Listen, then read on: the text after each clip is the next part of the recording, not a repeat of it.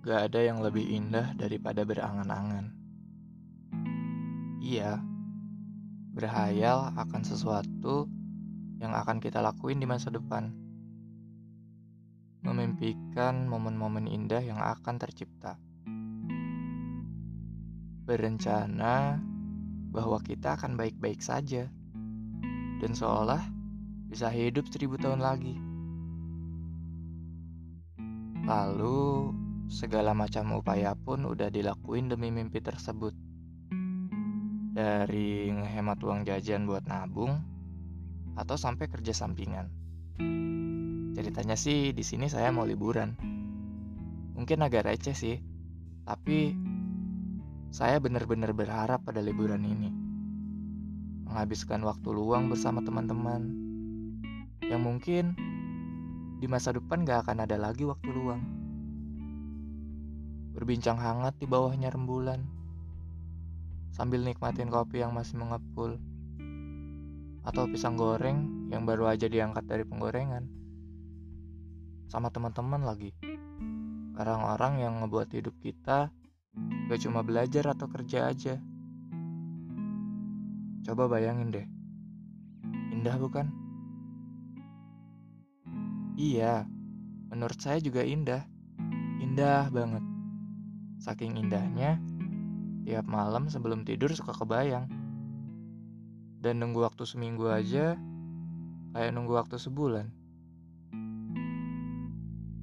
Sampai pada Hamin satu atau Hamin dua, saya juga udah agak lupa dan emang mencoba buat lupa biar gak terlalu sakit. Hamin satu atau Hamin dua salah satu teman saya ngomong kalau dia gak bisa ikut. Dan sebagaimana pertemanan yang erat, gak ikut satu ya gak ikut semua.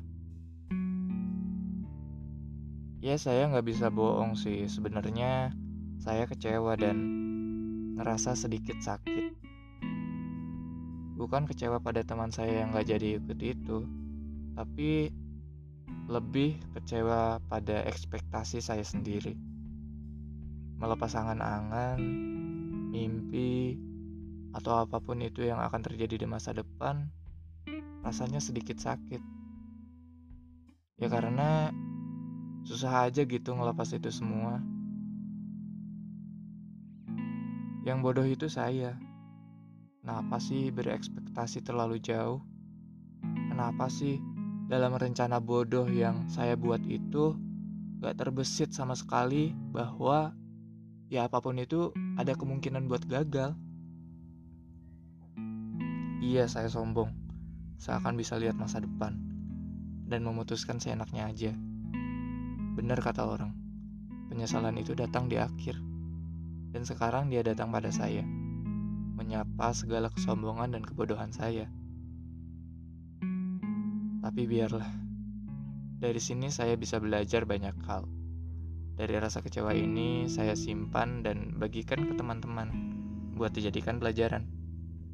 Ada yang bilang manusia itu terbuat dari tanah dan saya percaya itu. Karena sebagaimana tanah akan semakin kuat bila terkena api dan sebagaimana tanah akan semakin kuat kalau terkena begitu banyak tekanan. Begitu pula manusia. Rasa sakit dan kecewa tidak akan membuat ia hancur, tapi akan membuat ia semakin kuat.